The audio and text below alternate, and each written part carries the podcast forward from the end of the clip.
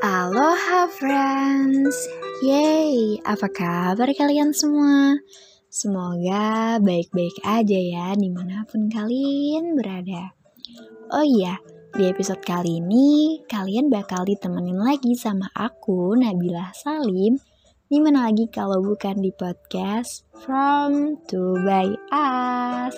Wuhui. Um, Aku mau nanya Kalian tim yang megang HP 24 per 7 atau tim yang buka HP kalau perlu aja? Ayo jawab. Tim 1 atau tim 2 nih?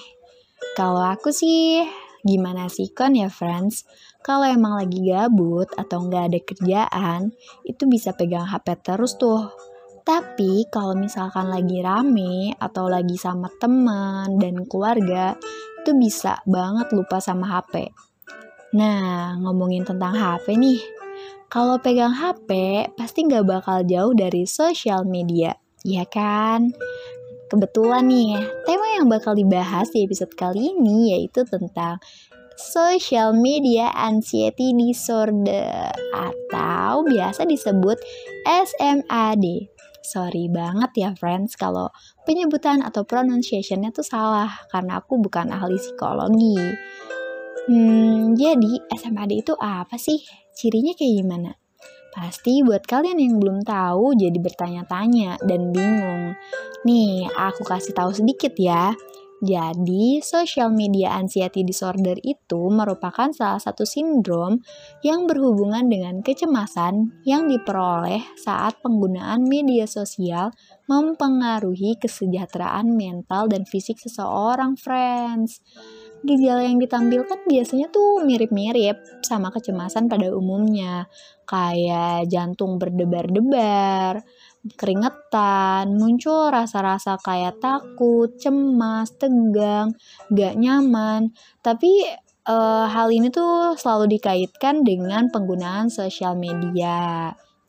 Nah, Rahel Kazes, seorang terapis dari klinik di Chicago, mengatakan bahwa kondisi sosial media anxiety disorder ini emang belum bisa digolongkan sebagai sebuah gangguan psikiatris secara resmi.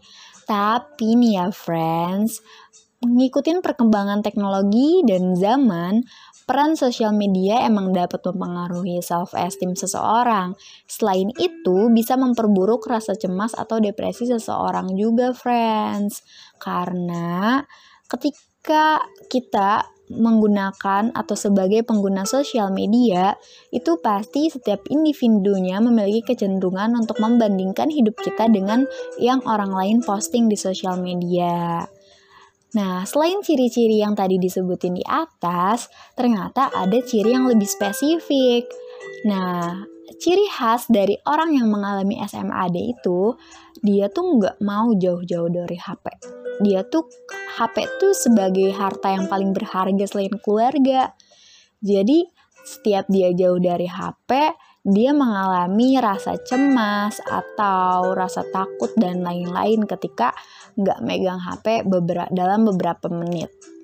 Terus, ketika seorang yang mengalami SMAD memposting sebuah hal, foto, tulisan, atau video, mereka tuh selalu ngecek like sama komennya. Kalau misalkan like komennya sedikit, mereka tuh pasti ngerasa malu, ngerasa cemas, ngerasa takut, kayak gitu. Terus, mereka tuh selalu cemas, malu, takut kalau misalkan followersnya tuh berkurang terus ngerasa seneng banget banget banget banget kalau followersnya tuh naik. Nah, selain itu, mereka tuh selalu membandingkan secara berlebihan kehidupannya dengan apa yang ditampilkan orang lain di media sosial. Nah, hal yang paling dikhawatirkan dari seorang pengidap SMAD adalah mulai menganggap dunia online sebagai dunia nyatanya. Waduh, itu berbahaya banget, friends.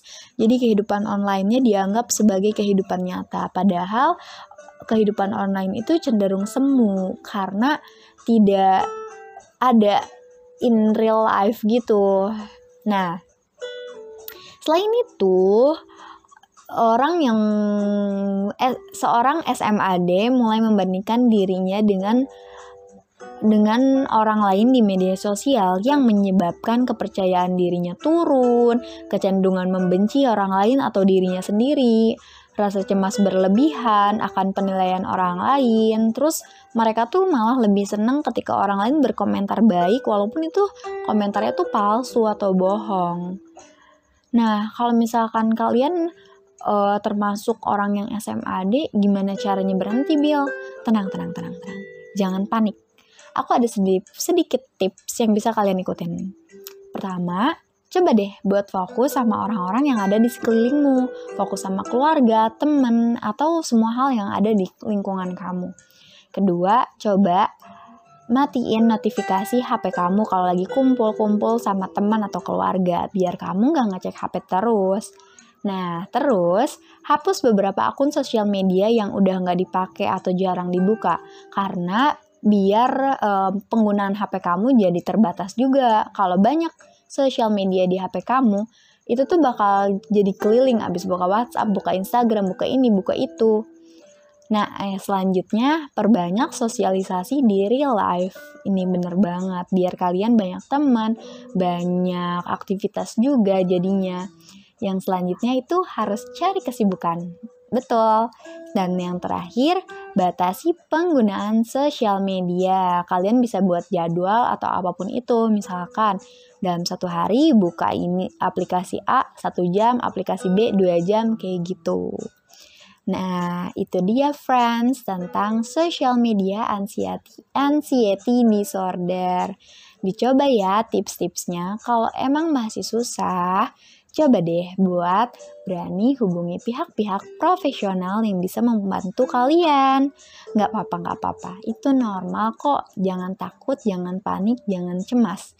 Karena semua orang pasti punya kelebihan dan kekurangannya masing-masing. Kamu udah hebat kok, kamu udah keren. Jadi jangan takut, apalagi malu. Oke? Okay? Nah, salah satu kegiatan yang bisa kalian lakuin adalah dengerin podcast from To Buy Us. Segitu dulu ya dari aku Nabila. Sampai jumpa di episode selanjutnya. See you soon. Bye-bye.